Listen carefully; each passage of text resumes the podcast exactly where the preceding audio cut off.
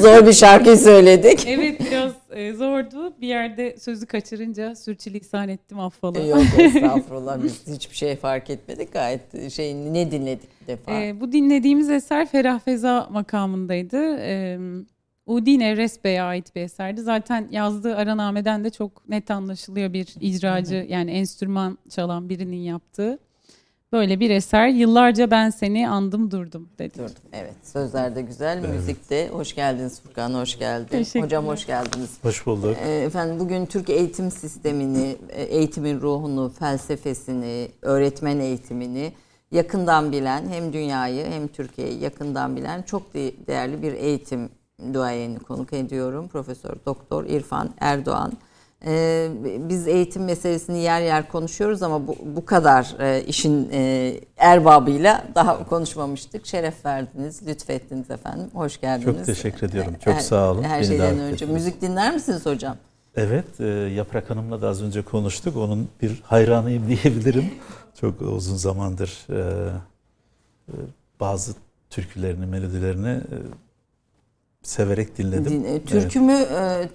tür, yani Türk müziği aslında hepsini kapsıyor da türkümü evet. Türk sanat müziği mi diyeceğim evet, ister evet. istemez. Ben daha çok e, Balkan e, türküleri, Ege bölgesi, Efe türküleri onları dinliyorum. Sizin kalbinizde onlar evet, yer ediyor. Evet, Eğitimde evet. de müziğin e, önemi büyük. E, müzik müzikle birlikte çocukların eğitiminin e, önemi büyük evet. bildiğim kadarıyla. İlk eğitim sistemi kurulurken zaten jimnastik, e, müzik İki tane temel şey evet, var. İki önemli temel. O antik Yunan devrinde de bu karşımıza çıkıyor. Sonra buna ilaveler yapılıyor. Aritmetik, matematik, geometri gibi ilaveler yapılıyor. Bizde de öyle aslında. Yani, yani okullar ilk yapılandırılırken ta eski Yunan'a gittiğimizde o evet. yapılandırılma döneminde temelde müzik ve spor e, evet, beden resim, eğitimi resim, ya da müzik, beden eğitimi. Onlar Öz, altta, on diğer bilimler onun üstüne konuyor. Onun üzerine e, e, trivium diye adlandırılıyor bu. Antik Yunan eğitim düşüncesinde hakimdir özellikle. E, daha sonra quatrium ekleniyor. 3 artı 4. Yaklaşık 7 ders. Hı hı bu orta çağda da karşımıza çıkıyor aslında. Şövalyelerin yedi sanatı diye çıkıyor. O yedi sanat aslında yedi derstir. Bu yedi sanat dediğimiz şey ne hocam? Yedi sanatı bugün e, okulları dikkate aldığımızda e, bildiğimiz o temel dersler olarak düşünebiliriz. Matematik. Lisan, matematik, e, müzik, işte resim, e, görsel sanatlar diye toparladığımız e, alanlar, temel alanlar. Aslında ilkokul, Üçüncü sınıftan sonra başlayan, ortaokulda biraz daha açılan sosyal bilgiler, fen bilgisi gibi, lisede daha açımlanan, e, sosyal bilgilerden doğan fizik, şey, tarih, coğrafya, felsefe, fen bilgisinden doğan e, fizik, biyoloji, kimya dersleriyle devam eden ve üniversitede de aslında temel bilimler adıyla sürdürülen bir altyapıdır. Bir eğitim altyapı. sisteminin bu, bu, kurgusu. Bu, bu yedi, yedi sistem aslında tüm eğitim aslında sisteminin budur. saçağını oluşturuyor. İlk okullar yani Yunan'da kurulurken, Hı. eğitim şeyi kurulurken Hı. ne zaman öğrenci, ne zaman eğitilmeye başlıyor insan kaç yaşında? Bu da şu andaki e, dünyadaki okul çağı e, yaklaşık 2000 yıldır aynıdır. E, yani 5-6 yaşlarında e, okul formal anlamda başlar. Tabi e, Platon'un ütopyası biraz daha farklıdır. Çocuk doğar doğmaz e, anneden alınır ve eğitim başlar. E, o yalnız formal ve informal eğitimi içerecek şekilde bir tasavvurdur. Ama okul oldum olası üniversite öncesi e, üç kademeden oluşur. İlk okul primary school, e, elementary school gibi adlarla anılan e, ortaokul, middle school, Mittelschule, junior high school ve lise. Lise tabi Fransız tabiridir. Ee, yani yüksek okul diye çevirebiliriz. High school. High school. Önemli olan burada üç kademenin olması. Birbirini izleyen üç kademenin olması. Üniversite çok sonra 12. yüzyılda. Üniversite e, Orta Avrupa'da 1260'lı yıllarda Bologna civarında ilk kez e, şekilleniyor, kuruluyor.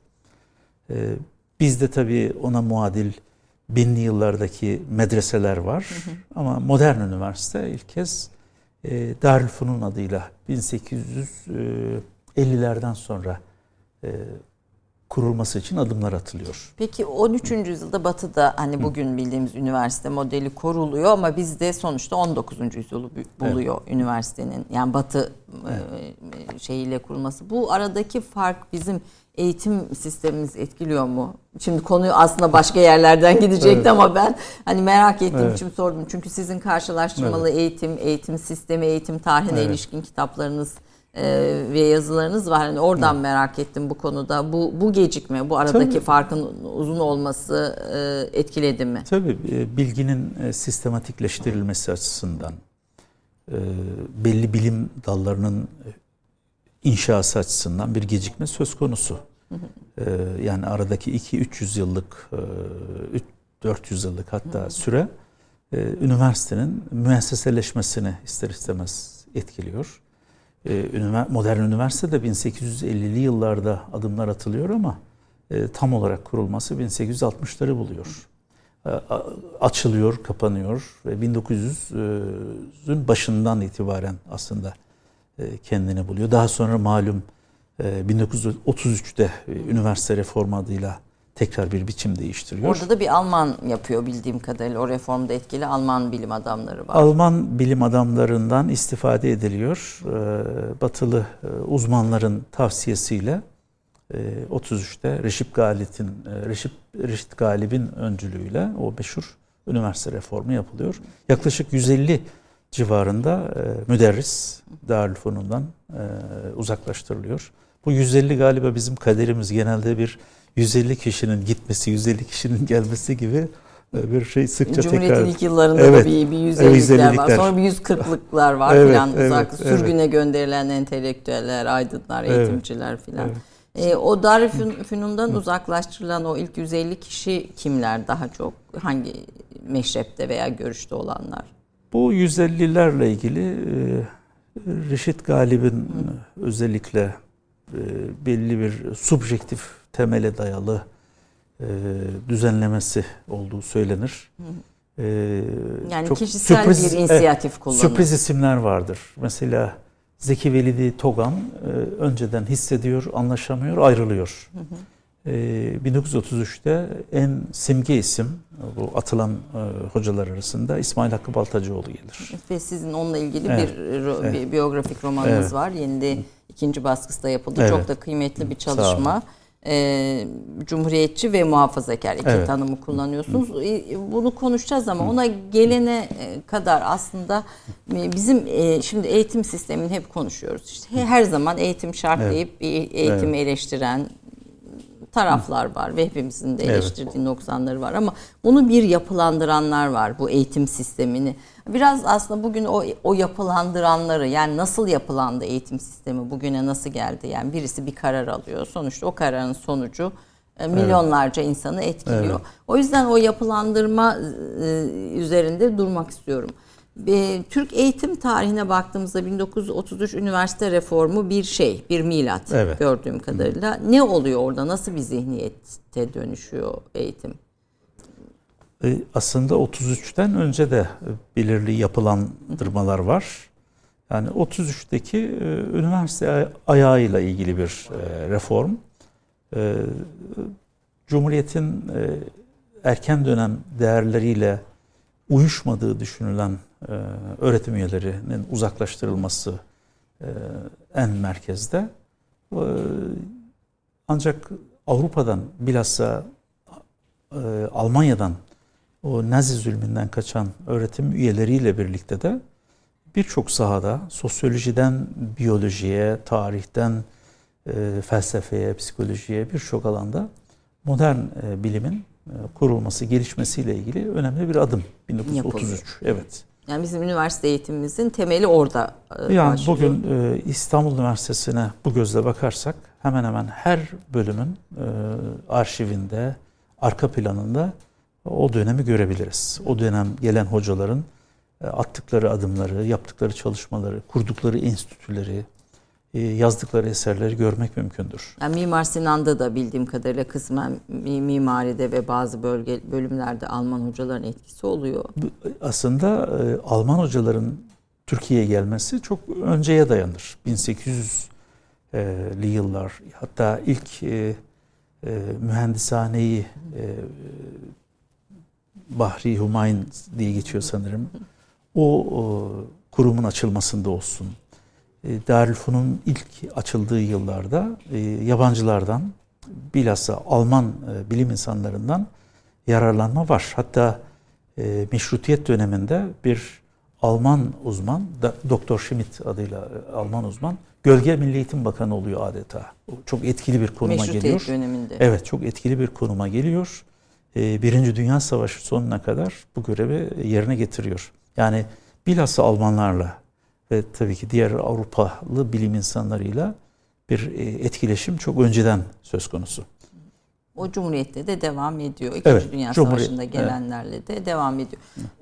Bir, bir hani sizin kendi hikayenize geçeceğim ama Cumhuriyet'in temel e, Cumhuriyet sonrasının e, eğitimde temel durakları neler? Yani değişim evrelerini sormak istiyorum. Evet. Cumhuriyet aslında e, meşrutiyetin eğitimini miras alıyor. Meşrutiyetin e, büyük eğitimcilerini e, çalıştırıyor. Onlar devam ediyor.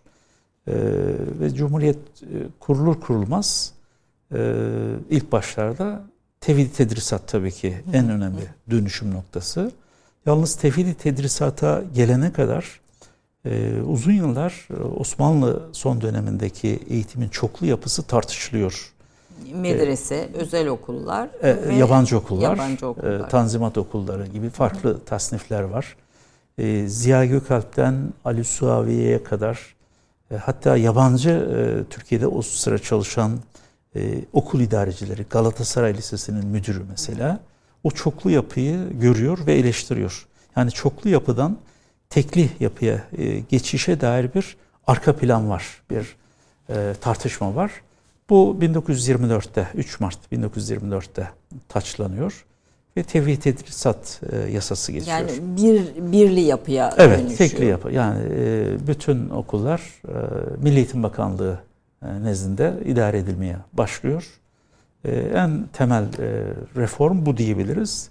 Tabii bunun ötesinde pedagojik adımlar var. Mesela millet mektepleri çok başarılı bir eğitim projesidir e, yapmayı, yaşamayı, e, halkı, üretimi esas alan çok başarılı bir e, projedir. Yine aynı zaman diliminde halk evleri informal eğitimin gerçekleştiği iyi bir mecradır. Daha önce 1912'li yıllardan başlamak üzere Türk Ocakları aynı şekilde müthiş bir eğitim fonksiyonu yerine getiriyor. E, işte millet mektepleri, tevhid sonrası millet mektepleri e, derken e, meşhur 1940'ta açılan köy enstitüleri. E, 40 ile 50 arasındaki 50 arasına damgasını vuran bir kurum olarak karşımıza çıkıyor. Bu kurumların hepsinin e, bir hikayesi var yalnız. Mesela köy enstitülerinin e, açılmasıyla ilgili de doğrudan köy enstitüleri tabiri belki kullanılmıyor ama Osmanlı son dönemine kadar e, geri gitmek mümkündür. Hepsinin fikrin, bir fikrin Osmanlı'da evet, bir zemini var. Evet. E, bütün 50'ye kadar atılan bütün eğitim adımların birden atılmış değil. Bir arka plan var. Darülfunun'un kurulması bile 1850'lerde değil mi? 50'lerde evet. değil tabii ki.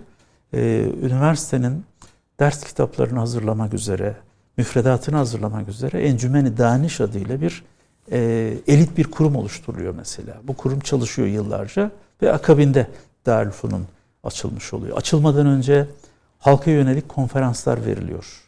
Eğitimler yapılıyor ve sonra e, kurum e, yerleşiyor, doğuyor. Yani e, 1950'lere kadar ki eğitim adımlarının çoğunda bir arka plan e, icraatı bulabiliriz. Yani formel veya informal olarak halkın eğitimini güçlendirmek bütün aşamalara geliyor. 50'de ne oluyor? Eğitim sisteminde başka bir e, faza mı geçiyoruz? E, 50'de e, tabii 50 öncesi de başlayan bir e, Amerika ile daha yakın etkileşim söz konusu. Avrupa pedagojisi Hı. bir ölçüde terk ediliyor. E, Amerika etkisiyle yeni kurumlar açılıyor. Üniversiteler bilhassa. E, hatta öğretim üyeleri de Amerika'ya gönderilen e, adaylar arasından e, istihdam ediliyor. Yani 50 sonrası dönem için Amerika ile daha e, yakın etkileşimin olduğu dönem diyebiliriz. diyebiliriz. Ee, siz karşılaştırmalı eğitim sistemleri konusunda da Türkiye'deki e, önemli uzmanlardan, isimlerden birisiniz. Mesela burada Japonya, Almanya, Danimarka, Hı. işte Kuzey Avrupa bütün e, dünyadaki eğitim sistemlerini karşılaştırmalı olarak ele Hı. alıyorsunuz. Bizim eğitim sistemimiz bunların içinde en çok 50'den önce kime yakında 50'den sonra nereye doğru evrildi? Hani e, bu, bu bizim eğitim sistemimize genel olarak bir değerlendirme yaptığınızda. Bizim en fazla es, esinlendiğimiz ülkeler 50'lere kadar tabii ki Avrupa. Hı hı. E, Fransa başta e, birçok e, kurumumuzun adı bile e, Fransa'yı çağrıştırıyor. Lise tabiri mesela bir Fransızca tabirdir. 1869'daki ee, Marif Nizamnamesi ki ilk e, teşkilat yasasıdır.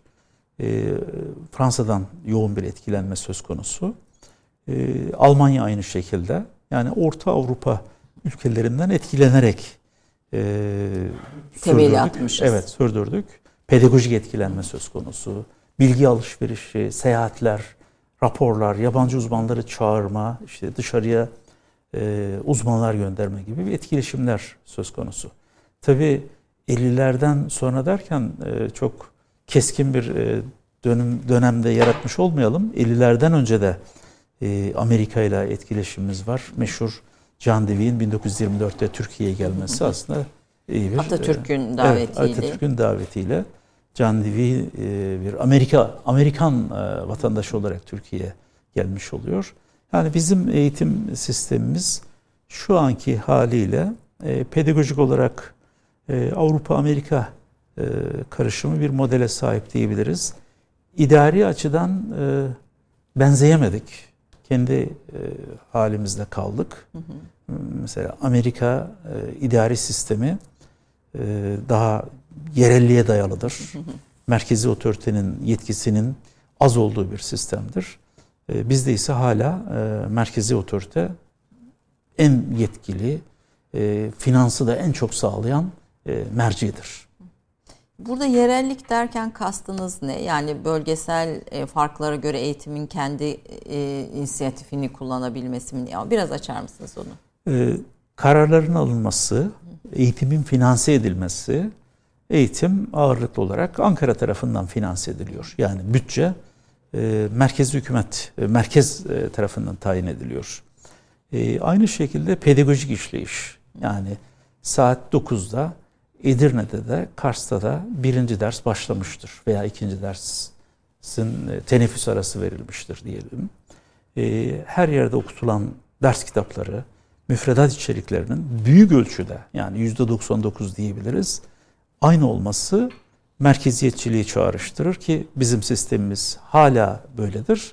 E, yerellik derken e, yerel düzeyde bazı kararları alabilme yetkisinin olması ve yerelde eğitimin finansmanına katkının sağlanması halkın yani e, bunun bir örneği var mı? Yani Amerika. Amerika. En bunu. iyi örneği Amerika. Avrupa'da da tabii kısmen var ama e, yerel otoritenin, yerel katılımın, yerel katkının en somut bir şekilde gerçekleştiği yer Amerika'dır. E, eğitim, milli eğitim müdürlerine denk e, gelen eğitim direktörlerinin seçilmesi bile e, yerel düzeyde kullanılan bir inisiyatiftir Amerika'da. Bu, bu da bir fark getiriyor bölgelere göre. Tabii, Tabii ki. coğrafyada çok yani geniş. büyük ölçüde Amerikan eğitim sistemi içinde ulusal bir eğitim sistemi var diyebiliriz. Büyük ölçüde ilkokulun okul yılı, ortaokulun, lisenin okul yılı aynıdır. Ama e, belli alanlarda bir eyalet arzu ederse e, farklılaşmalar yaratabilir. Bu derslerde gösterir kendisini. Öğretmen sertifikalarında gösterir kendisini. Okulların açılış, kapanış vesaire hallerinde e, sıkça rastladığımız durumdur. Yerelliği yansıtan durum olarak. Bizde merkez eğitim e, tek tek elden bütün pedagojik e, şeyle inisiyatiflerin tek taraftan alındığı bir eğitim sistemi devam ediyor. Ama genel olarak baktığımızda da Amerikan Amerikan Avrupa karma eğitim sistemine benzetiyorsunuz. Evet. Bizim denemelerimiz var. 26'da 1926'da marif eminlikleri kuruluyor. Hı hı. 26 bölgeye ayrılıyor e, Türkiye. E, o bir denemeydi. E, devam edilmedi. O aslında yerelliğe geçişle ilgili e, önemli bir denemeydi. Yani arada e, belirli inisiyatifler kullanılıyor. Ders geçme ve kredili sistem de aslında son e, dönemlerde diyelim yerelliğe tekabül eden bir pedagojik yöntemdi. Ancak son tahlilde biz merkeziyetçi kaldık. Hatta merkeziyetçilik katsayımız gittikçe de arttı. Mesela bugün 2021 yılı e, teknik olarak dikkatli bakarsak 2010 yılından daha merkeziyetçidir diye düşünüyorum ben. Teknoloji üzerinden yani yeni gelişmeler üzerinden e, eğitim sistemimiz daha merkeziyetçidir diye bir e, düşünceye tespitim var. Evet. E, siz yani pandemi sonrasına ilişkin de pek çok tabii eğitimin yeniden yapılandırması için bir evet. fırsat olduğuna dair de yorumlarınız var. Ama bir reklam arasına girelim. Başlık başlığa çünkü ben aslında biraz o eğitimin yapılandırmasına tarihte kalacağım ama Yine de bugüne de geleceğiz. Tabii. Kısa bir reklam arasından sonra Profesör Doktor İrfan Erdoğan'la Türkiye'de eğitimin duayen isimlerinden birisiyle sohbete devam edeceğiz efendim.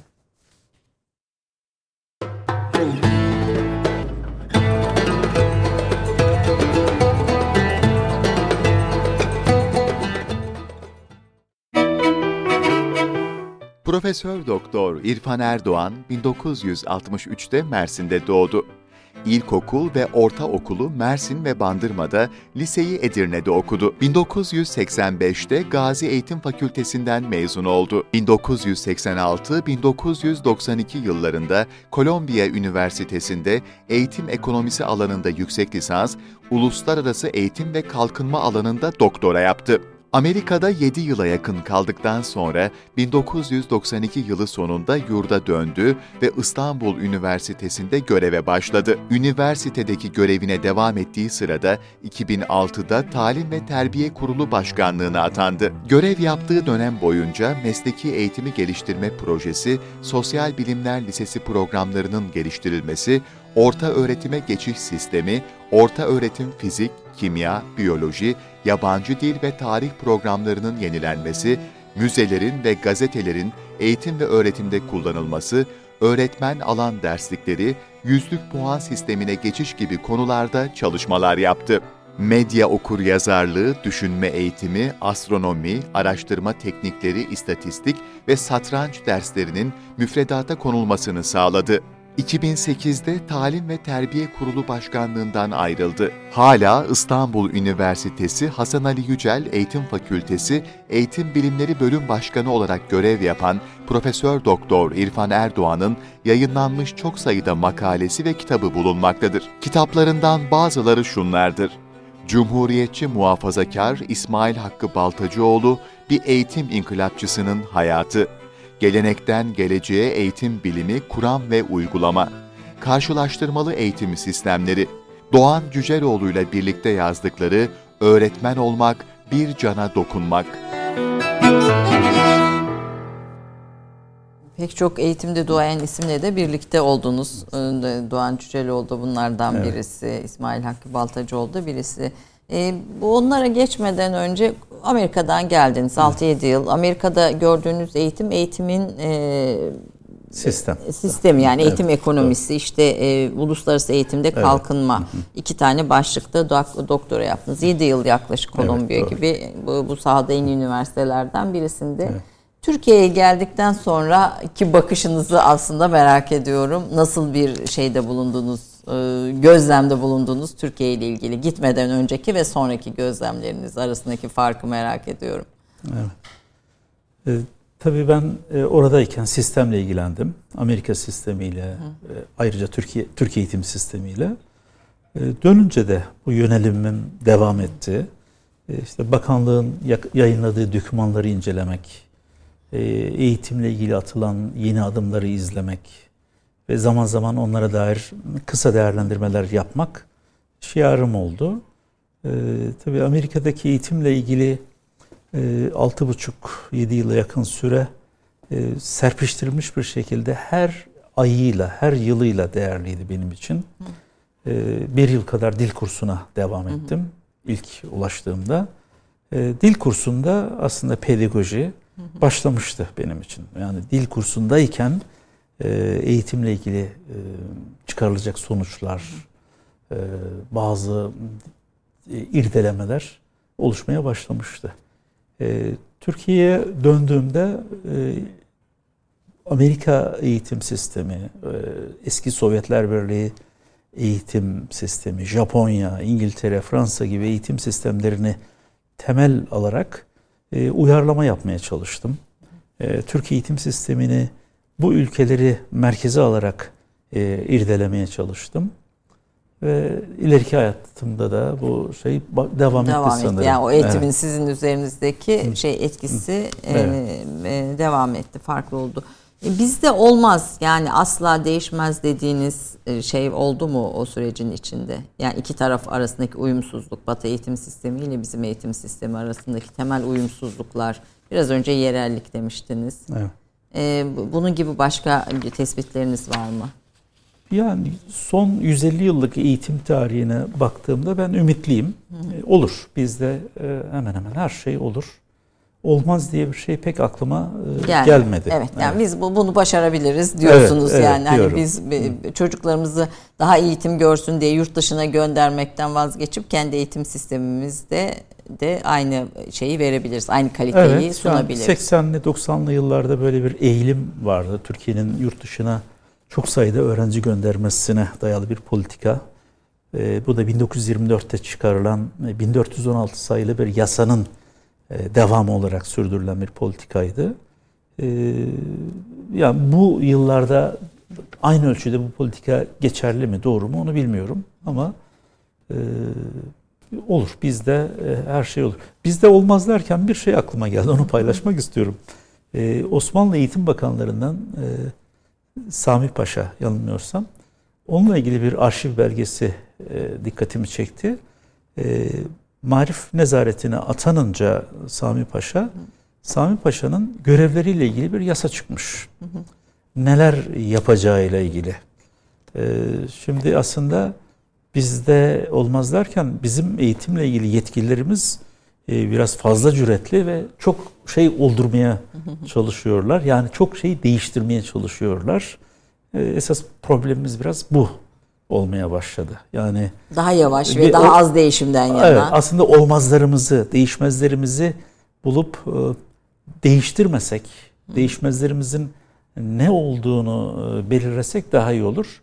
E, zira çok uzun e, yaşı olan e, kurumlarımız yok. En yaşlı kurumlarımız işte 100 110 yaşında evet. olan liselerimiz var. Üniversitemiz malum bahsetmiştik. Ha, devamlılığın olması adına e, bizim olmazlarımız olmalı, değişmezlerimiz olmalı, olmalı. diye bir evet, düşüncem evet. var. Bu kadar fazla değişim de e, doğru değil diyorsunuz. Bilhassa Milli Eğitim Bakanlarını sınırlamak lazım. Çünkü büyük bir güç e, Milli Eğitim Bakanı olduktan sonra her nefis e, damga vurmak ister, tarihe geçmek ister. Bu çok doğaldır. Ama o tarihe geçme isteğiyle sistem yoruluyor. yoruluyor. Sistem tükeniyor. Ve, ve e, üst düzeydeki yetkililerin görevlerini sınırlandırmak bir katı anlayış değildir. Bir otoriter bir şey değildir. Sizin de, bölüm başkanı olduğunuz eğitim fakültesinde, eğitim bilimlerindeki üniversite şeyin adı Hasan Ali Yücel. Evet. Ee, Türk eğitim tarihine baktığımızda işte Hasan Ali Yücel bir şey, Milli Eğitim Bakanları evet. içinde öne çıkıyor. Bu onun gibi başka böyle çok damga vuran ve bugün de hala onun yaptıkları üstünde konuştuğumuz e, başka kimleri sayabilirsiniz? Daha önceden sistemimizin yasal temellerini atan diyeceğim Emrullah Efendi 1912-13'lü yıllarda e, bakan olan Emrullah Efendi önemli bir şahsiyettir. E, Hasan Ali Yücel'den önce Vasıf Çınar'ı, Mustafa Necati'yi hem bilen hem bir heyecan fırtınası yaratan kişiler olarak önemli figürler olarak görürüm. E, Tevfikleri Demokrat Parti döneminde dikkat çeken bakanlarımızdan birisidir. Ee, daha son 20-30 yıl içerisinde e, Avni Akyol e, dikkatimizi çekiyor attığı adımlarla. Belki yapısal anlamda çok değişiklik oluyor ama köklü değişiklik e, olmuyor gibi bir intibam var. Son köklü değişikliği yapan bakanımız da Ömer Dinçer diye düşünüyorum. O 4 artı 4 artı 4 ile birlikte bir yapısal e, az önce bahsettiğim kademelere dayalı bir e, sistem tekrar kurulmuş oldu. Evet. E, ama kolay da değil. Yani bir taraftan değişimden herkes söz ediyor ama değişenleri ve değişmeyenleri ortaya koymadan evet. bu kadar değişimci de olmamak gerekir evet, evet. diyorsunuz bir eğitimci olarak. Ee, bir de İsmail Hakkı Baltacıoğlu'nu sorayım ondan sonra evet. yaprağa geçeceğim. Evet. Ee, neden önemliydi İsmail Hakkı e, Baltacıoğlu? Bir eğitim inkılapçısının hayatı evet. E, kitap. E, Alfa yayınlarından da çıkmış bir şey, bir eser. Ben biyografi okumayı çok seviyorum. Hani o yüzden izleyicilere de tavsiye ediyorum. Aslında bir, bir dönemi 92 yıllık bir ömür evet.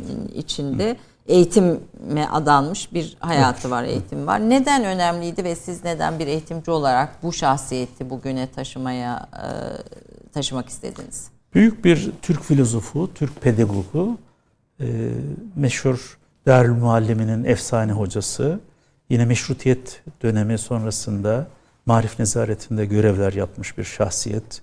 Şemsül Mekatip adıyla e, Üsküdar'da açılan bir okulu inanılmaz noktalara getirmiş bir e, eğitimci. E, Darülfünun'un Cumhuriyet dönemindeki ilk rektörü.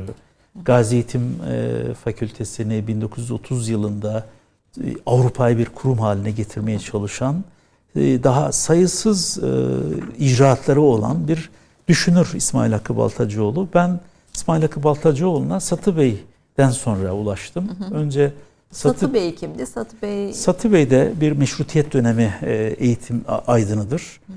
O e, meşhur e, Darül Muallim'inde mucizeler yaratmış. İsmail Hakkı Baltacıoğlu'nun müdürü olmuş. Onu Avrupa'ya göndermiş olan bir aydındır, şahsiyettir.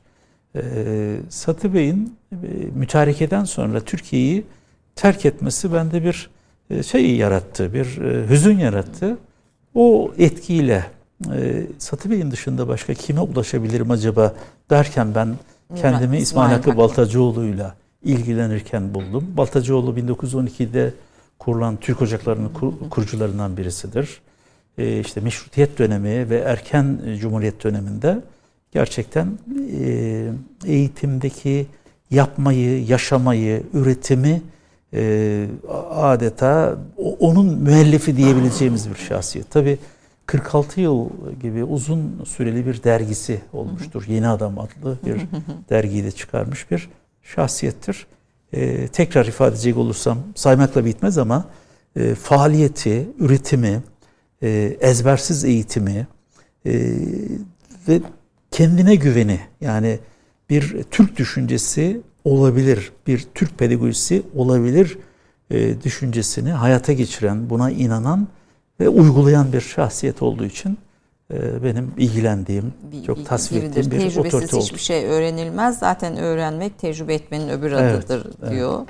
Ne bilen fakat tecrübesiz adam ne de bilmeyen fakat tecrübeli evet. adam olmaz evet. diyor. Hani üretime Doğru. ve bir şey üretmeye yönelik yaklaşımları çok da önemli. Ayrılığı, bölünmeyi, parçalanmayı yanlış bulan, sürekli teklik üzerinde duran, yani okullarda mesela Türkçe dersi, matematik dersi, müzik dersi gibi bir ayrımın e, olmayacağını tasavvur eden e, bir kişidir. Meşhur e, bununla ilgili çok sözü var ama bir sözü aslında bunu ifade eder. İçtimai mekteplerde nazari ders, pratik ders ayrımı yoktur. İstihsal vardır. Üretim varsa bir okulda o okulu da ütopyası olan içtimai mektep diye adlandırır. Üretim varsa o üretimin içinden kişilik, e, matematik, e, konuşma, yazma, her şey e, o inşa olur, gelişir. Tabii eğitim, Üretimi temel alır. Eğitimcinin ahlakı üzerine de duruyor tabii. Evet. Yani evet. Onu, onu da önemseyen evet. bir bir eğitim pedagoji e, eğitim aydını evet. dediniz siz. E, eğitim e, aydını olarak e, gör, bir önce olarak belki evet. görmek gerekir. E, bu çerçevede bu izleyi takip edersek ondan sonra gelen böyle eğitim aydınlarımız var mı? Bu meşrutiyet dönemi altın çağ diyebilirim e, eğitimle ilgili. İşte Satı Bey, İsmail Hakkı Baltacıoğlu. Pek e, dikkat çekmeyen ismi biliniyor ama Ethem Necat diye bir otoritemiz var mesela. Hı e, aynı dönemde şey yapan. Muallim Cevdet. Muallim Cevdet İsmail Hakkı Baltacıoğlu'yla da Darül Muallim'inde birlikte çalışmış. Sonra e, Kafkaslara gidip orada okullar açmış bir e, otoritedir. E, uygulayıcı olması hasebiyle İsmail Hakkı Tonguç önemli bir şahsiyettir. Bizim zaten eğitim tarihimizde iki İsmail Hakkımız var derim ben. Birisi İsmail Hakkı Baltacıoğlu, diğeri de İsmail Hakkı Tonguç'tur. O e, yine aynı e, üretimi, yapmayı, yaşamayı e, temel alan bir eğitimcidir. E, ilk öğretim genel müdürüdür. Hı hı. İlk öğretim genel müdürüyken e, haftalık e, görüşmeleri vardır Cumhurbaşkanıyla, zamanın Cumhurbaşkanıyla. Bu da galiba şeyi gösteriyor bir genel müdürün etkisini ve gücünü Yetkisini göstermesi ve ne kadar, açısından evet, evet, evet önemli bir şey. E, tabii başka değerli e, otoritelerimiz de var e, ama çoğu erken dönem e, erken cumhuriyet döneminde diyebiliriz. Ee, yani 40'lı 50'li yıllara kadar ya aydınlarımızın bir... eğitim üzerine e, çok sayıda eseri var ama bu bu sahada özelleşen yine de isim olarak çok da fazla isim sayamıyoruz. Tabii, tabii yani e, biraz bunların belki sizin yaptığınız çalışma gibi böyle bunların e, evet. eserleri çalışılmalı. Biraz bu, daha bu bu sahada bu olmalı. Bir evet. boş bir boşluk var. Evet. Şimdi e, biraz bir ara verelim. Ne dinleyeceğiz Yaprak? Ee, şimdi Hicaz bir şarkı var. Sade Işılay'a ait bestesi. Güftede Mustafa Nafiz Irmak. Şu yollar uzar gider diyeceğiz. Peki efendim dinliyoruz. Hocam üretmektir diyor. evet.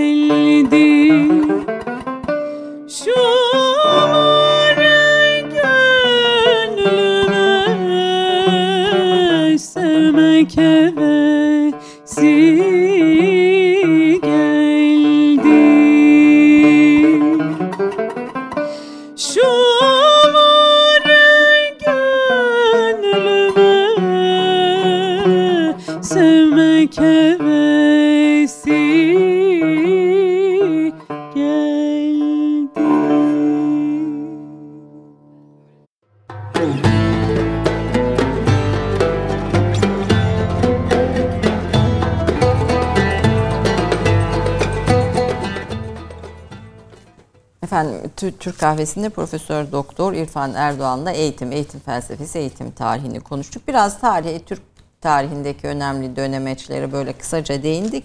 Şimdi biraz bugüne gelelim istiyorum. Sizin öğretmen olmak, bir cana dokunmak diye Doğan. Cüceloğlu'yla birlikte sohbetlerinizi evet. kitaplaştırdığınız bir eser var. 100 bini buldu bildiğim evet, kadarıyla doğru. baskısı 23. şey satışı 123. 23. baskıyı 30 yapmışlar. 30 baskıyı geçti. 30'u geçti herhalde. Öğretmenlerin de çok sevdiği. Evet. Çok da aslında sadece öğretmenlere yönelik değil, velilere, eğitimle doğru. ilgilenen herkese Öğrenciye yönelik. De. Evet, çok da kolay e, güzel okunan bir kitap. Şimdi orada öğretmen olmak bir cana dokunmak. Evet. Bir defa bu başlığa bir gelmek istiyorum. Bir de öğretmenlik yapmakla öğretmen olmak arasındaki ayrıma Doğan Cüceloğlu ile birlikte evet. de, de, değiniyorsunuz.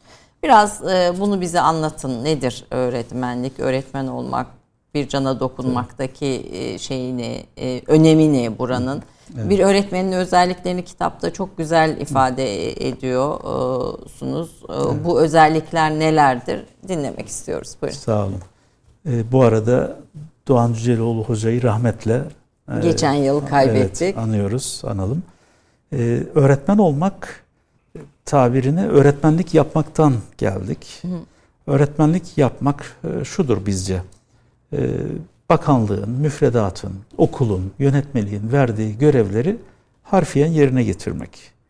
Tabii o 40 dakikalık e, süreç e, görevlerin harfiyen yerine getirilmesiyle e, gerçekleşmiyor, olmuyor. Orada bir cana dokunma halinin gerçekleşmesi gerekir. İşte bu boyut karşılığı olarak da öğretmen olmak tabirini geliştirdik. Ve şunu söyledik der rahmetli hoca ile birlikte. Öğretmenlik e, yapmak değil, öğretmen olmak esastır. Öğretmen olmak e, vazife kendisine vazife vermek, e, empati kurmak, anlamak, tanık olmak. Şimdi sanatta, sporda, siyasette, ticarette belli yerlere gelen kişilere baktığımızda hep bu türden hikayeler duyarız. İlkokul birinci sınıftayken öğretmenim benim yaptığım resmi methetti ve o gün bugündür ben çok güzel resim yaparım. Veya bir matematik başarımı gördü ve ben ondan sonra okumaya karar verdim gibi. Bu hikayeleri çok duyarız. Eğitim bu açıdan bir hikayedir aslında. Hikayeleştirilmesi gereken bir alandır. Ee, işte tanık olmak dediğimiz budur. Yani öğretmenin e, mevzuatın kendisine verdiği görevlerin ötesinde e, çocuğun bir anını görmesi, onun altını e, çizmesi öğretmen olmaya da destek olan bir Burada bir e, alıntınız var. Evet. E, Gazi Eğitim Fakültesi'nde evet. öğretmen Kemal Demiray öğrencisi Fakir Baykurt'un kompozisyonu ile ilgili diyor ki Maxim Gorki yazsa bu kadar yazabilirdi. Evet. Yani bu tanıklık Fakir ba- Baykurt'u Baykurt yapmıştır evet, ben, belki de. Ben bunu Fakir Baykurt'la yapılan bir e, söyleşiden aldım. Çok etkilendim. E, tanıklık birebir budur ve e, herkes e, konsantre olursa yani her öğretmen onlarca yüzlerce kez tanık olabilir. Hı hı. E, tanık olduğu vakit ister ilkokulda olsun, ister ortaokulda, lisede fark etmez. E, aslında e, birçok eksiklik giderilebilir. Hı hı.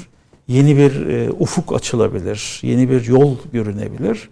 Tanık olmak biraz e, bireyin kendi e, içsel dünyasıyla ilgili yani kendi kendini harcayacağı enerjiyle ilgili bir durumdur. Bu maddiyatla ilgili değildir. Bu gücü öğretmenin kullanması gerekir diyoruz. Yani bu kayda geçmeyen, yatırımı, bütçesi olmayan bizde var olan bir kaynaktır. Bu, bu kaynağı kullanırsa öğretmen e, öğretmen olur diye ifade etmeye çalışıyoruz. Ee, sadece o değil öğretmenin öğrenmeye de e, yatkın olmasına dair örnekler veriyorsunuz. Yani Doğan Hoca da e, bunun altını çok çiziyor. Öğretmen sınıfa girdiğinde öğrenmek üzere de girmeli. Yani sadece öğretmek değil. Yani eğitimin o alışveriş kısmı e, evet. öğrenciyle o karşılıklı etkileşim kısmının üzerinde çokça duruyorsunuz. E, gerçek öğrenmede, eğitimde bir denklik söz konusudur. Yani öğretmenle öğrencinin denkliği yakalaması e, söz konusudur. Denklik dediğimizde aslında budur. Yani öğretmenin e, öğrenmesi aynı zamanda, öğretirken öğrenmesi, e, öğrencinin de aslında bu her, her iki rolü de taşıması mümkündür. Tabi bu minvalde öğretmenin ışık tutması, yol göstermesi, öğrencinin tekamülüne katkı sağlaması esasdır ve öğrenciyi olabildiğince e, kendi haline bırakması. Bu kendi haline bırakmak da aslında bir e, felsefe diyelim. Okulun kendi haline kalması, eğitimin kendi haline kalması, öğrencinin kendi haline olması e, bizim biraz başaramadığımız bir haldir. Oysa öğretmenle ilgili de öğretmen de sade ve kendi haline kalmalı diyorsunuz. Çok müdahale mi, mi maruz kalınıyor? Bir de değişim ve hızlı bir değişim dönemindeyiz. Yani teknoloji değişiyor, her şey değişiyor filan. Bu nasıl etkiliyor bu fazla müdahale olması? Bu birikim sonucu öğretmene yaptığı işi fazla tarif etmeye başladık. Hı. Tabii bu sahanın e, işte kitapları çıkıyor, e, başka çalışmaları oluyor, uzmanları e, gelişiyor diyelim.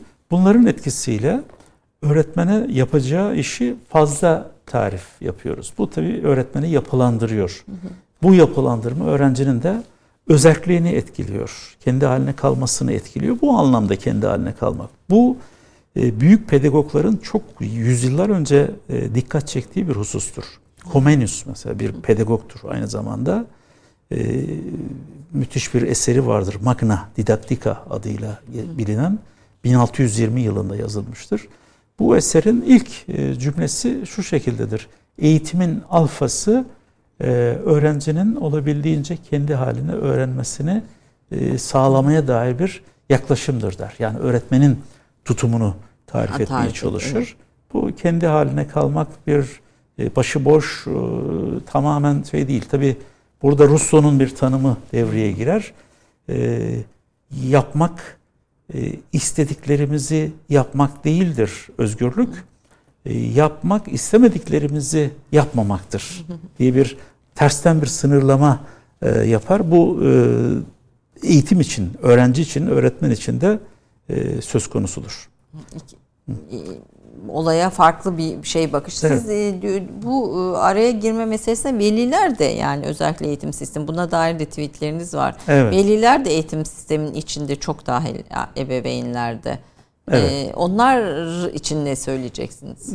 Veli, öğretmen, üst düzey yetkililer e, tabii ki eğitime yön vermeli, destek olmalı ama e, araya girme diye tabir ettiğimiz ölçüde çok fazla müdahil e, olmamalı. E, bu genel bir eğilim var. Yani e, bu yıllarda diyelim, son yıllarda e, eğitim gemiyi kurtartıyor. Yani gemisini kurtaran kaptan olur sözü eğitim üzerinde e, şekil buluyor. Bundan kaynaklı bir tedirginlikle e, veli olsun, toplum olsun eğitimle fazla ilgileniyor. Yani bu çağımızın belki eğitim sorunu bu. Eğitimle fazla ilgilenmek. Şimdiye kadar belki eğitimle e, ilgilenilmiyor diye suçladık toplumu, ülkeyi neyse. E, ama bu yaklaşım her alana sirayet etti. Veli de, öğretmen de o müdahil olma e, noktasında e, fazla ilgileniyor ve bunun için diyoruz ki araya fazla girmemek gerekir. Girmemek evet. gerek. Ya bu bir tür teknisyenliği de beraberinde getiriyor mu? Sizin yine yazılarınızda evet. ve notlarınızda özellikle var. Ee, daha teknik bir hale geldi eğitim ve e, öğretim diyorsunuz evet. ve bunu bir e, negatif bir şey olarak söylüyorsunuz. Böyle bir e, eğilim de dünyada ve ülkemizde var. Bir ikilem vardır. Kurs eğitim ikilemi. Kurs daha e, soyuttur, daha teoriktir. Yer, e, pardon, e, eğitim daha soyuttur, daha teoriktir. E, yeri zamanı belli değildir. Mekan ötesi bir icraattır. Kurs ise daha somut, yöntemi, ağırlığı, boyu, amacı çok net olarak belli olan bir icraat alanıdır. Dünyada ve ülkemizde eğitim sistemimiz biraz kurs temelli yaklaşıma oturmaya başladı. Kursu andıran bir hal söz konusu. İlkokulda böyle, ortaokul hatta üniversite bile e, böyle olmaya başladı. Kurs mantığından e, uzaklaşmak gerekir biraz. Bu ciddi bir tehlike diye düşünüyorum. Ya eğitim, Türkiye... Eğitimin yanında da bir sürü kurslar alıyoruz. Yani bitmeyen bir kurs şey hepimizin yani hala işte evet.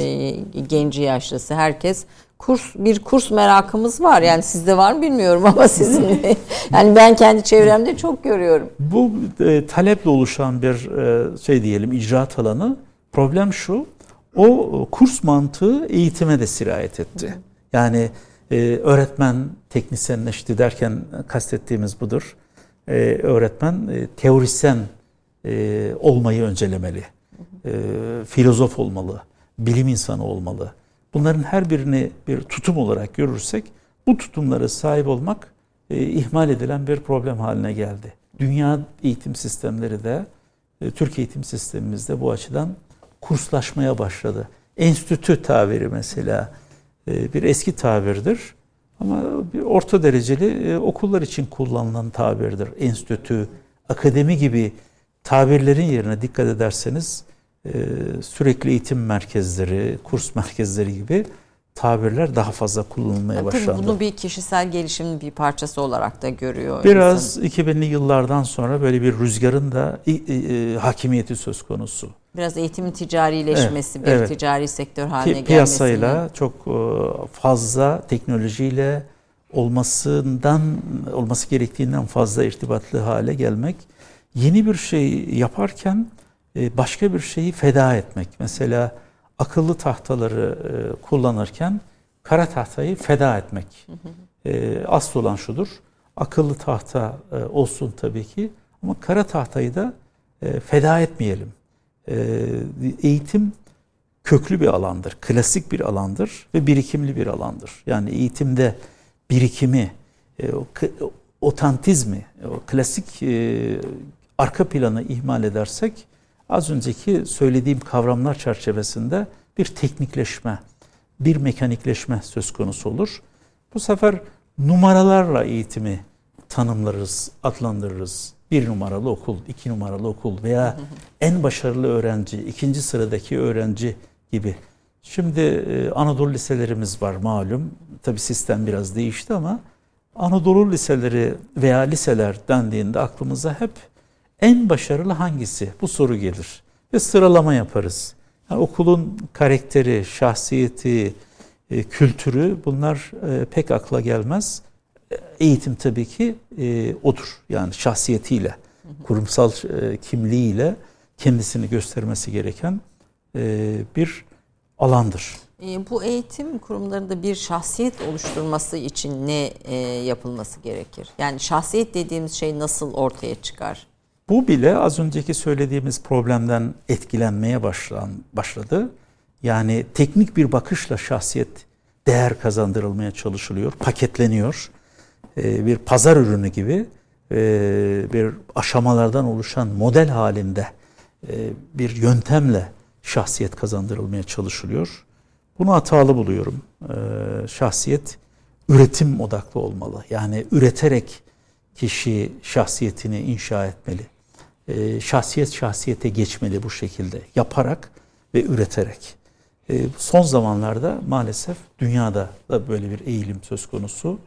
E, değer, e, şahsiyet, belirli soyut hasletler e, teknik bir modelle, yöntemle kolayca kazandırılabilir gibi bir yol izleniyor. Bu okul sıralamalarıyla ilgili bir örnek vermek istiyorum. 40'lı yıllardan yine şu aklıma geliyor. 21 tane köy enstitüsü var. Bu köy enstitüleriyle ilgili sıralama yoktur biliyor musunuz? Hangisi en iyiydi diye bir soru akla gelmez. hepsi iyiydi. Aslında bu sadece enstitüler için değil. 80'li yıllara kadar ki liselerimiz için de söz konusu. Yani evet. her vilayetteki e, lisenin, ortaokulun bir e, şahsiyeti vardı ve sıralama bağlamında konumlandırılmazdı. Yani biz ben kendi dönemimde Haydarpaşa Lisesi de iyi bir liseydi. Tabii. Erenköy Lisesi de Kabataş iyi bir lise. Kabataş Lisesi hani evet. ama sonra tabii sıralama gelince bu sefer 1 2 3 4 filan e, dereceye düştü bu sefer. Ve enlerin dışındaki okulların iddiasız olduğu bir sistem e, oluştu. Anadolu'da da öyle. Kayseri'de, Adana'da, Mersin'de, Trabzon'da bulunan her bir lisenin iddiası vardı. Çünkü az önce e, söylemeye çalıştığım gibi bir sıralama içine e, girmiyordu. Her okulun bir kültürü vardı ve iddialıydı. İddialı olduğu için de e, yukarı hareketliliği bunların tamamı sağlardı. Son 20-30 yıl içerisinde 2000'li yıllardan sonraki halimiz iddialı okulların belirli merkezlerde toplandığı, o merkez İstanbul'dur malum, Ankara'dır. Onun dışında kalan okulların iddiasını kaybettiği bir e, hale dönüştük. Bizim sistemimiz Ayşe Hanım aslında eşitlikçi bir sistem öteden beri.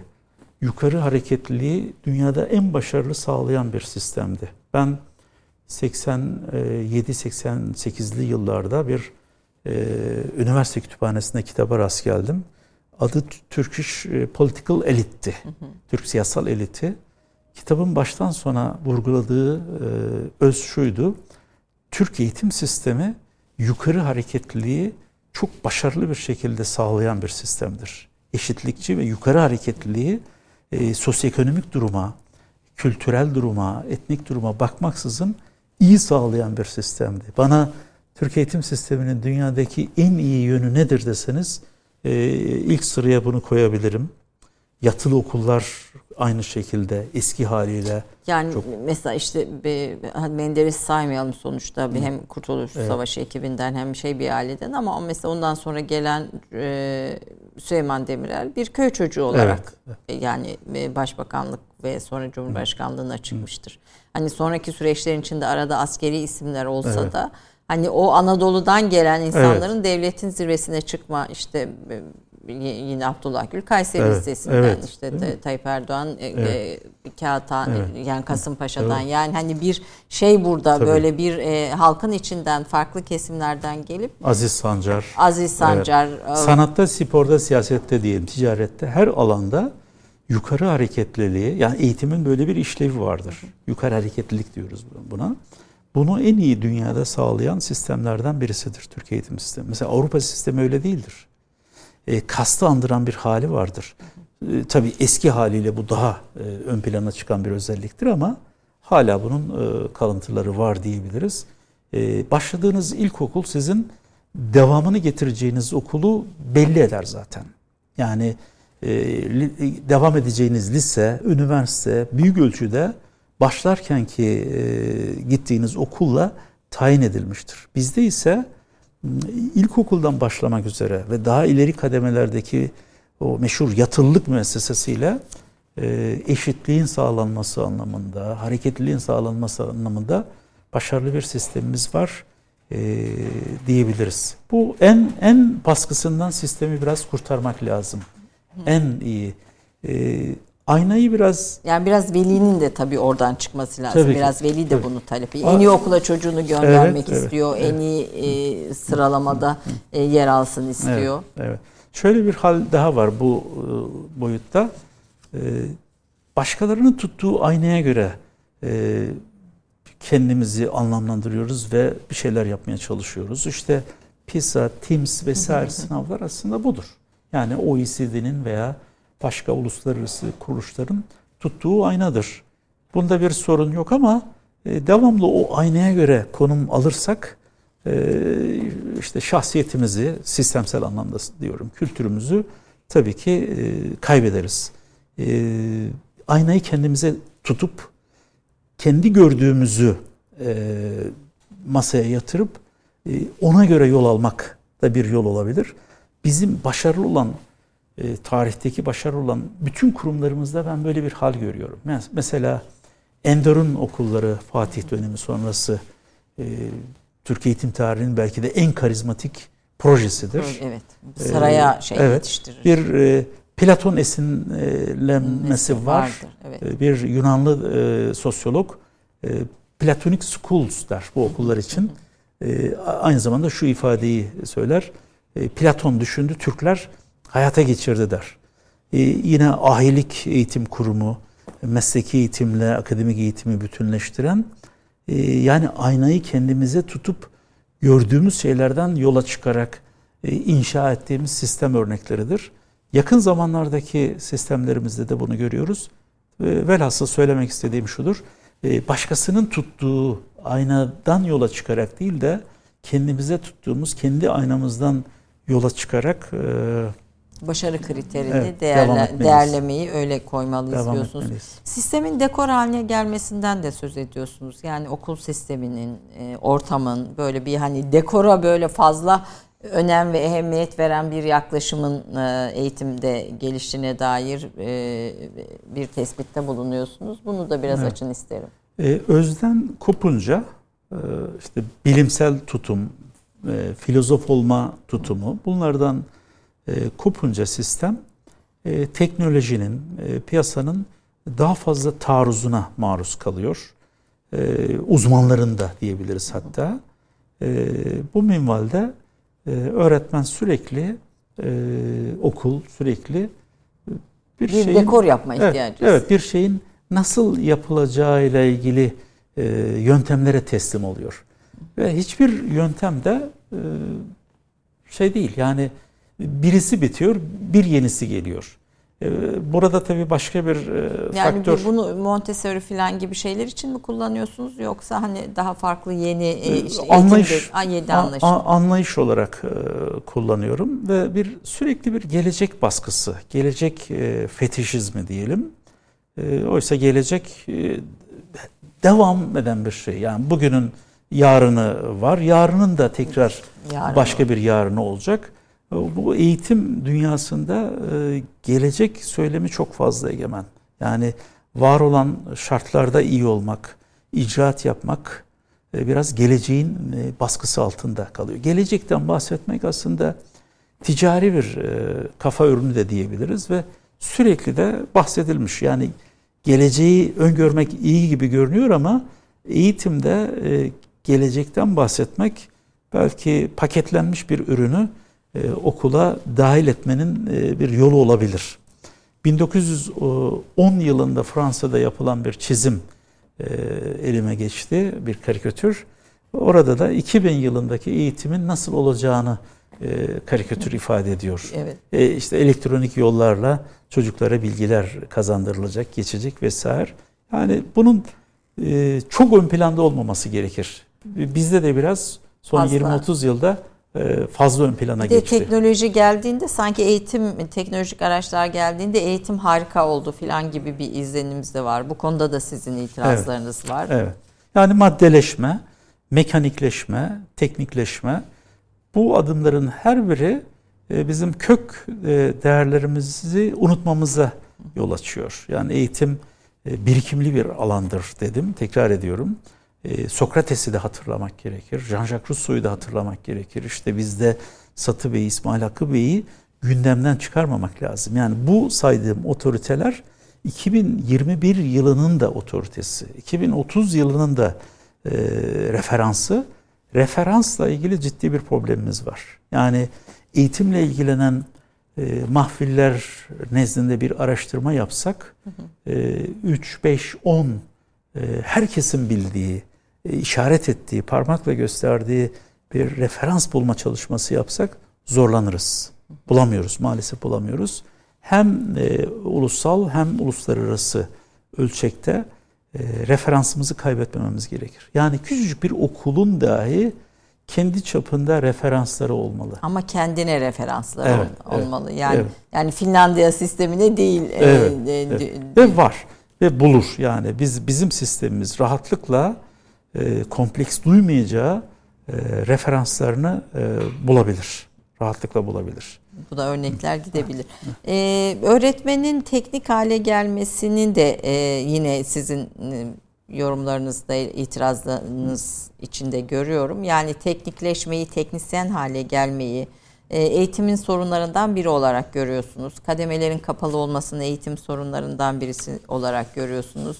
Burada e, öğretmen e, ressam gibi mi olmalı, göz doktor gibi olmalı mı evet. gibi örnekleri de e, söz konusu ediyorsunuz. Evet. Biraz bu konularda da fikirlerinizi almak isterim. Evet.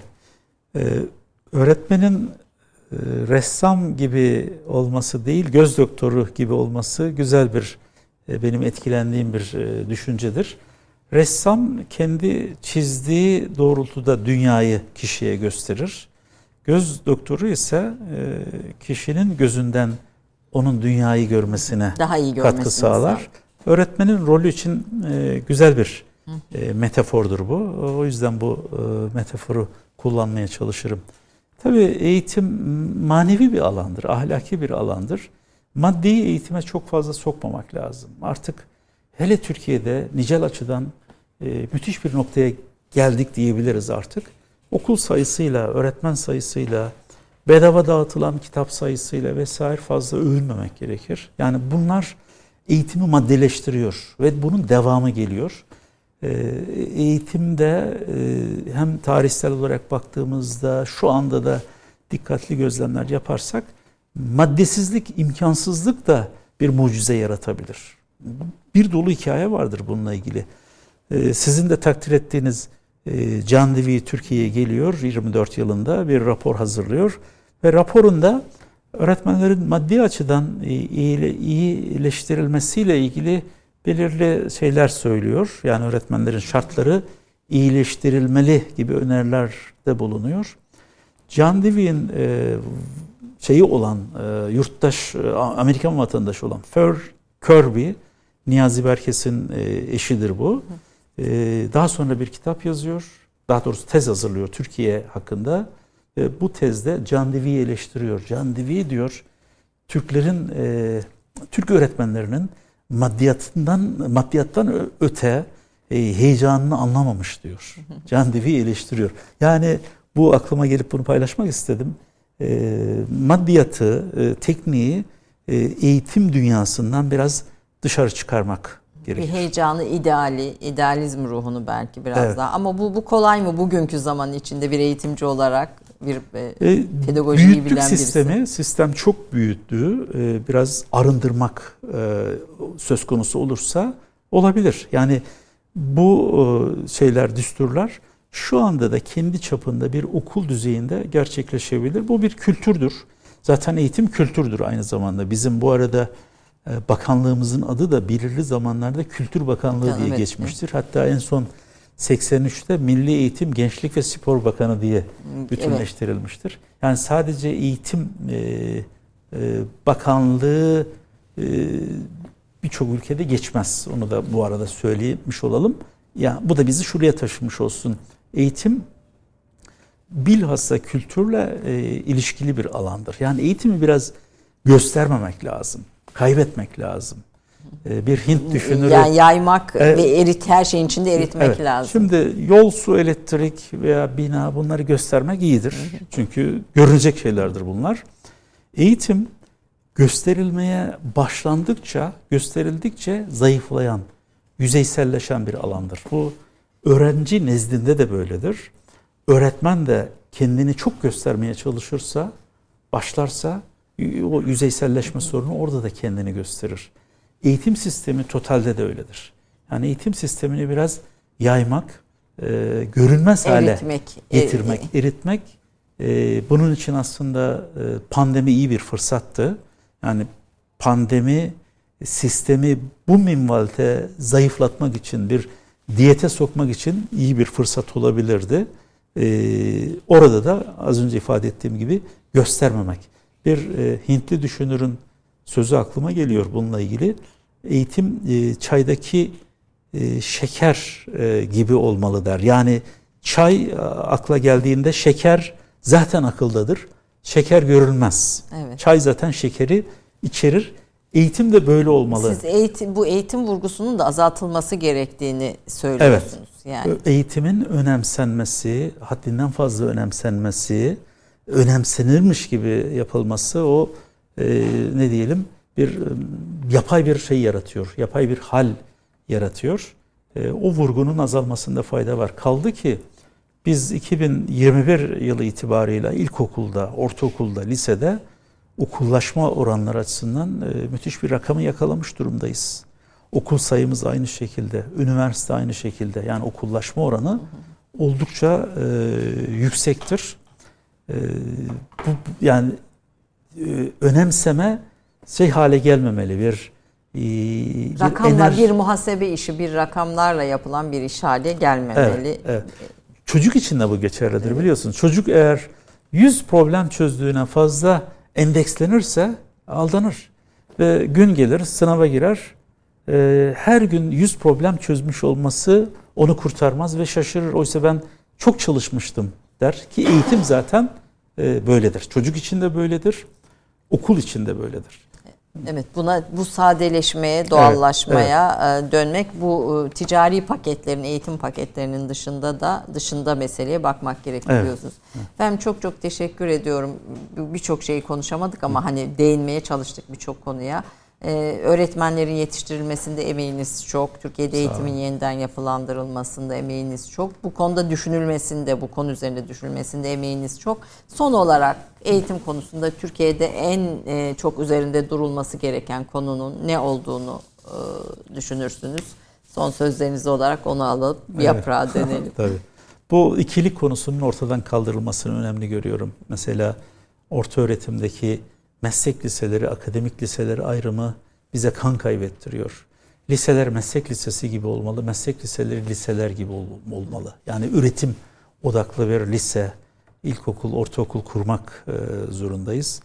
E, başta da ifade ettiğim gibi referansımızı bulmalıyız. Referans bulma ile ilgili bir mahcubiyet yaşıyoruz gibi sanki. Bir kompleksimiz onu, Evet, onu onu atıp eğitim e, olabildiğince e, şey bir alan Türkiye'de mütevazi, nazik bir alan. Yani oralarda referans bulmak bizim için e, zor olmaz. E, referansları bulmak gerekir diye e, düşünüyorum. Kökten bu minvalde kopmamak. Kökten kopmamak ve şey haline getirmek eğitimin üst kademelerini belli bir yetkinliği, donanımı olanların talep ettiği makamlar haline getirmek. Bizim bir iki, iki kişi için söylemiyorum genel olarak izlediğim yıllar itibarıyla bakanlarımız, milliyetin bakanlarımız bakan olduktan sonra şöyle bir açıklama yaparlar. Benim için sürpriz oldu. Beklemiyordum derler. Beklemeli. Ve biz 5 e, yıl sonraki Milli Eğitim Bakanlığı'nı toplum olarak konuşmalıyız. Ekonomi Bakanlığı konuşuyoruz. Turizm Bakanlığı konuşuyoruz. Yani açık bir adres göstermiyoruz ama e, şey yapıyor, tasavvur ediyoruz eğitimle ilgili Eğitim Bakanı atanıyor. Ertesi gün e, ilk açıklama olarak da dediğimi söylüyor. Sürpriz oldu. Sürpriz, Sürpriz olmasın. Sürpriz olmasın. Evet. E, bu iş böyle bir e, e, hedeflenen bir evet. bir bir, evet. bir konu olsun. Hedeflenen bir iş olsun. Ben çok çok teşekkür ediyorum. E, kitaplarınız ortada zaten eserleriniz, yetiştirdiğiniz öğrenciler ortada. Türkiye'de eğitimin daha iyiye gitmesi için katkılarınız için e, teşekkür de ediyorum ayrıca. Ben Bu de. hepimizin bir e, vazifesi. E, efendim e, bugün böyle biraz eğitim, eğitim felsefesi, eğitim tarihi üzerine konuşmaya çalıştık ama ben İrfan Erdoğan Hoca'yı e, başka e, me, mekanlardan da tanıyorum, sohbet etmiştim. Çok müthiş birikimi olan e, eserleriyle, e, tespitleriyle, e, yaklaşımlarıyla Türkiye'de eğitim konusunda değer üretmiş isimlerden birisidir. Bugün böyle bir girizgah yaptık hocayla. İnşallah Hı. ilerleyen zamanlarda daha e, konunun derinliklerine de ineriz. Ben de çok teşekkür ediyorum size. Beni davet ettiniz. Estağfurullah. Benim şu ana kadar 30 yıllık eğitim hayatımda genelde düşündüklerim, bildiklerim soruldu. Bana ilk defa siz sağ olun, siz kimsiniz diye sordunuz. Bu beni e, mutlu etti. Çok sağ olun. Çok teşekkür Estağfurullah ederim. Estağfurullah. Ben şeref verdiniz, sağ lütfettiniz. Yaprak son evet. bitirirken ne dinliyoruz? Son olarak Erol Sayan hocamıza ait bir eser. Kalbimde Yerin isimli bir eserini dinleyeceğiz. Buradan da ona selam edelim. Hocam izliyor bizi yer yer. Evet, ara ara evet. hocama da selam edelim. Buyurun.